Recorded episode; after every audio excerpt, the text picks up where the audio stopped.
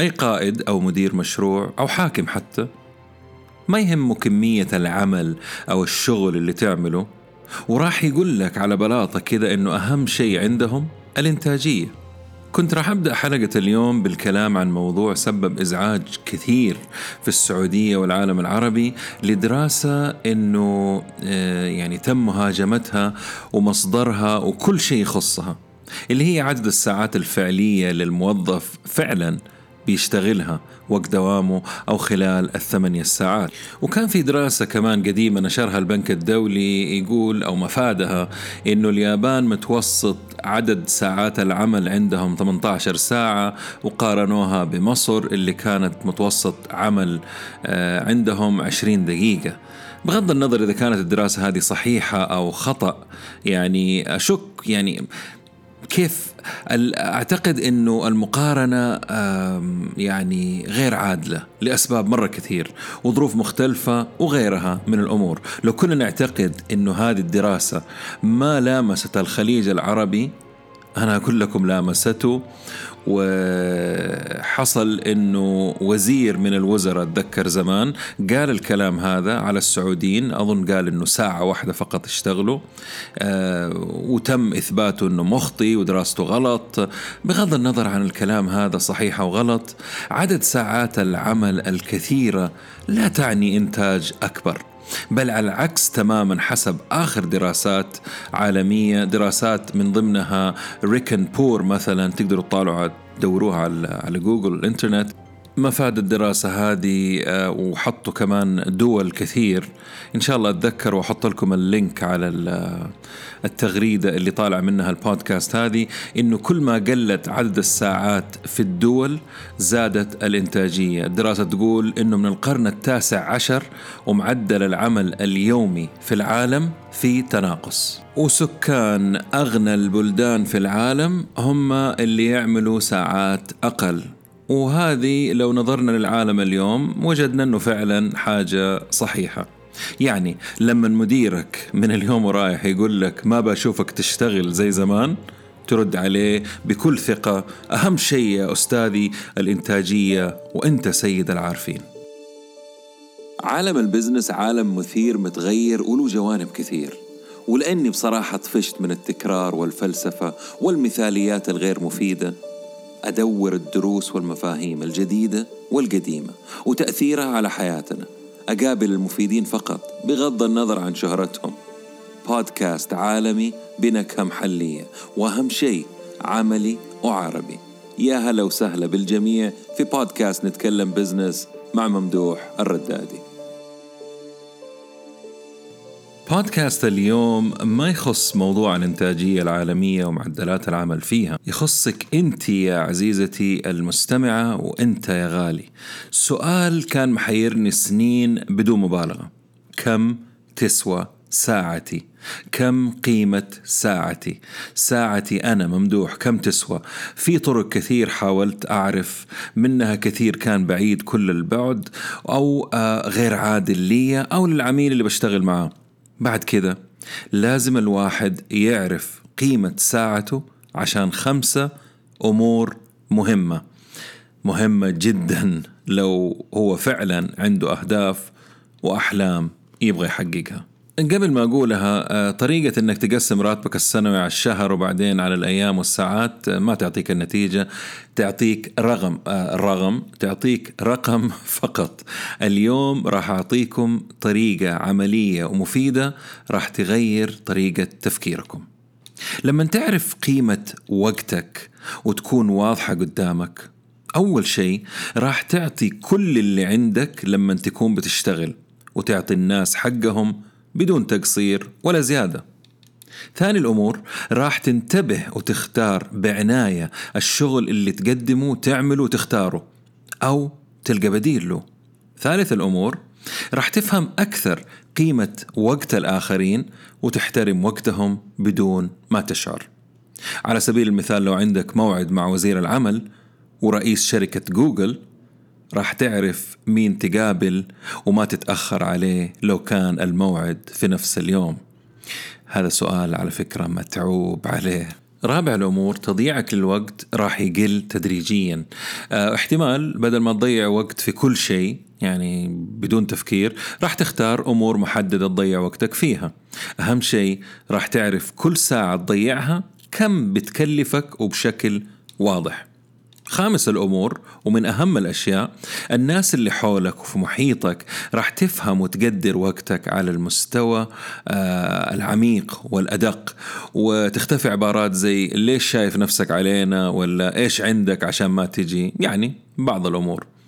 بعد ما ندخل في تفاصيل كيف نحسب آه، قيمة ساعتنا راح أعطيكم بعض الأشياء اللي حصلت لي أنا شخصيا بعد ما عرفت قيمة الساعة حقتي الحقيقية الواضحة. طيب خلينا على سبيل المثال نعتبر إني موظف وراتبي السنوي 200 ألف ريال بالبدلات وكل شيء. يعني راتبي الشهري بالطريقة الحسبة البلدي زي ما يقولوا راتبي الشهري راح يكون 16666 ريال. آه لما نقسمها على 30 يوم يطلع اليوم عندي ب 555 ريال ونص. نقسم ال 555 هذه اللي في اليوم آخذها على ثمانية ساعات تصبح قيمة ساعتي 70 ريال في الساعة. أشتغل في اليوم 8 ساعات إذا ساعتي تسوى 70 ريال. الجهة اللي بتشغلني بتدفع لي آه ال 70 ريال هذه تقريبا كل ساعة عمل. السؤال اللي يطرح نفسه هنا هل أنا فعلا بأشتغل ثمانية ساعات كاملة؟ ولا في مضيعة للوقت زي كلام مع الزملاء نقاشات غير مجدية خروج لقضاء مشاوير خاصة سرحان الجوال والساحات الاجتماعية اجتماعات ما لها قيمة. كل الأمور هذه نادرا يتم احتسابها من قبل الشركة وتعتبرها شر لا بد منه. إلين ما يجي موضوع الإنتاجية. لأنه بكذا نعرف إنه موظف ألف اللي يشتغل ست ساعات في اليوم تقريبا وانتاجيته في المبيعات لتسي كلهم بيشتغلوا في المبيعات 90% من التارجت المطلوب منه. وموظف باء اللي يشتغل نفس الست الساعات إنتاجيته 40% من المبيعات المطلوبة منه. هنا الفرق. والإنتاجية هي المفصل. طيب والموظف اللي ما يشتغل إلا ساعتين بدون إنتاجية. هذا ما صلاح فيه لأنه عنده واسطة ومتزوج بنت المدير. لا تقولوا له بعد ما عرفنا أنه ساعات العمل اليومية ما هي أهم من الإنتاجية وكان مثالنا على الموظف في شركة خلينا نبتعد شوية عن الموظفين قليلا. ونروح لعالم رواد الأعمال المحامين الفريلانسرز وأي إنسان لازم يعرف قيمة ساعته. أول شيء لازم نعمله هو أننا نكون صادقين مع أنفسنا لأنه بكل بساطة ما عندكم رقيب آه، غير أنفسكم. ولو اشتغلنا ساعة أو 12 ساعة في اليوم في آخر الأسبوع والشهر والسنة النتائج والإنتاجية وإيش في في رصيدك هو الفاصل ومو عدد الساعات اللي اشتغلناها. ولازم نعرف إنه حتى أكثر الناس إنتاجية في العالم بيضيع جزء كبير من وقتهم. راح أستعين هنا بطريقة رجل الأعمال والكاتب والمفكر آه أنا أسميه العبقري حق زمننا والزمن اللي راح دان كينيدي صاحب سلسلة No BS books اللي يقول فيها آه رائد الأعمال أو صاحب العمل الحر يختلف اختلاف جذري عن الموظف في شركة ساعاته محددة ومحسوبة. ويقول إنه ثلث وقته ضايع. الثلث ضايع في أمور تكلمنا عنها أنا وأنتو قبل شوية. آه هو دان كينيدي ولي ايكوكا أثبت هذا الكلام. وكان مبني على أكثر الناس خوف على وقتهم من CEOs وناس قياديين في أكبر شركات العالم. وبكده وصلنا لأول شق من المعادلة. راح أحطها على فكرة في حساب نتكلم بزنس على تويتر عشان تعملوا العملية هذه أو الحسبة.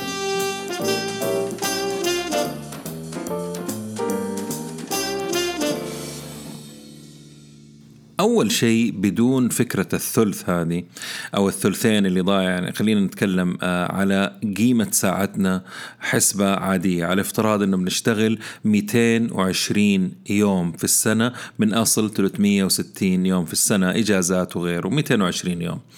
آه، وقلنا أنه راتبي زي أول 200 ألف ريال.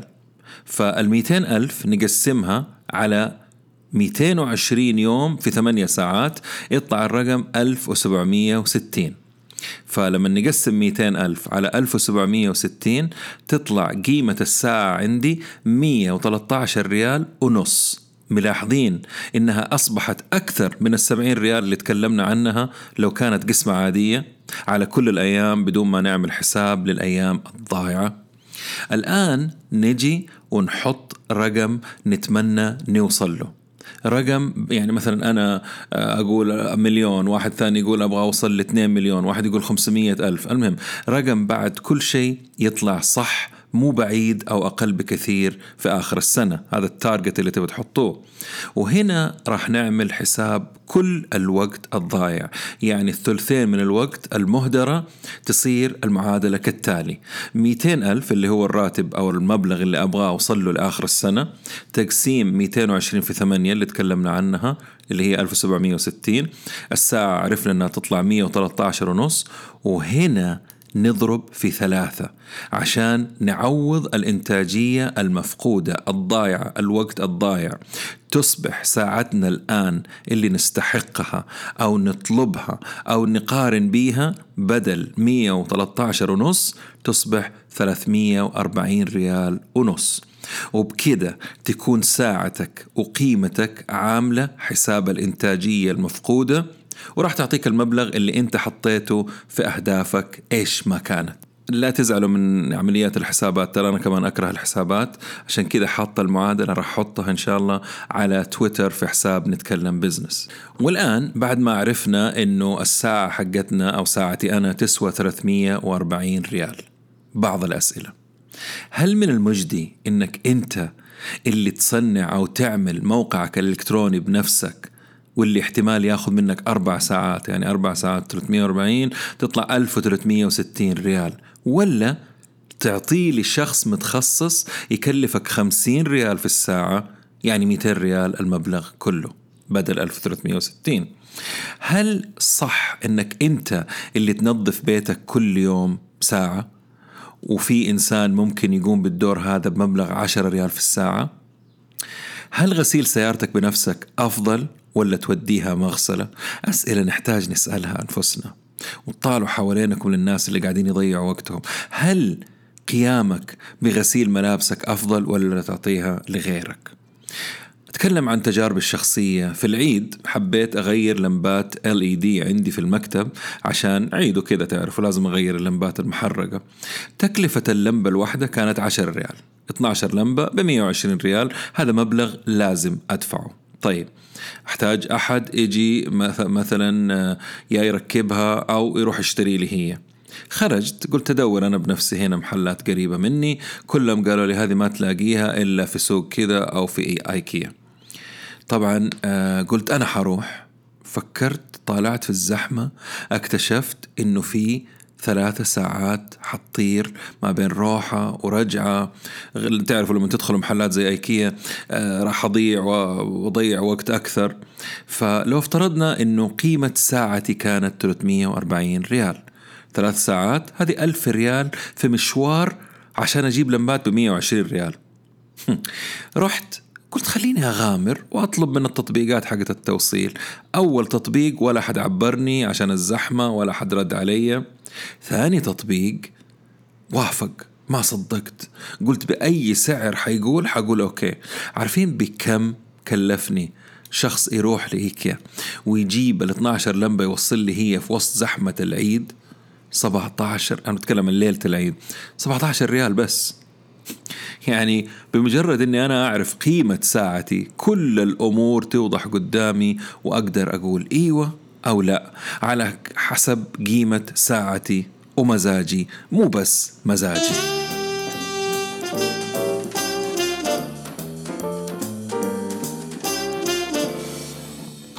يقال إنك آه، تصبح معدل الخمسة الأشخاص اللي تجالسهم طول وقتك من الناحية المادية والفكرية وغيرها من الأمور. مو شرط يكونوا خمسة ممكن ثلاثة اثنين. لكن فكر في الموضوع وحط أهدافك وقيمة ساعتك قدامك دائما قبل ما تقبل عزيمة أو قهوة أو سهرة أو غيرها من الأمور اللي تندرج تحت. يا شيخ لا تدقق. أنت تعيش مرة واحدة بس. كلام سليم وحلو. بس لا تجي بعدين وتشتكي لما الكل يتقدم عليك وأنت تعرف إنك تقدر تكون أحسن منهم وما حسبت حساب. قيمة ساعتك صح. وإذا زعلوا منكم قول لهم ممدوح السبب هو والبودكاست حق نتكلم بزنس قبل ما نقفل دكان بودكاست اليوم حاب أجاوب على سؤال كثير أسمعه ويحتاج إجابة سريعة أو يعني خفيفة. ليش نحتاج مستشار أعمال؟ ولا ليش أدفع له قد كذا؟ كثير المبلغ. ليش أحتاج محامي وأدفع له عشرة في المية أتعاب؟ الأجوبة واحدة وتأخذ عدة أشكال. المستشار أو صاحب دراسة الجدوى أقل شيء راح تستفيد منه أنك ما راح تخسر كل فلوسك أو تحويشة عمرك أو ممكن يدلك على شيء يفيدك أنت ما شفته أو أنت ما تعرفيه. وطبعا المحامي عشان تتفادى مشاكل مستقبلية وما توقع في أخطاء أنت ما تدري عن وجودها. وكل هذا وقيمة ساعة المستشار أو المحامي أو المختص أو الفريلانسر ما تسوى شيء بدون خبرة عملية وإضافة لك وضمان على الشغل وقيمة مضافة. أتمنى أنه كل اللي يسمع هذا البودكاست يعمل التمرين اللي تكلمنا عنه آه ويعرف قيمة ساعته الحقيقية عشان آه تتسهل مهمة تحقيق الأهداف المالية وغيرها. وكل سنة وأنتم والأهل طيبين من العايدين الفايزين إن شاء الله. السلام عليكم ورحمة الله وبركاته.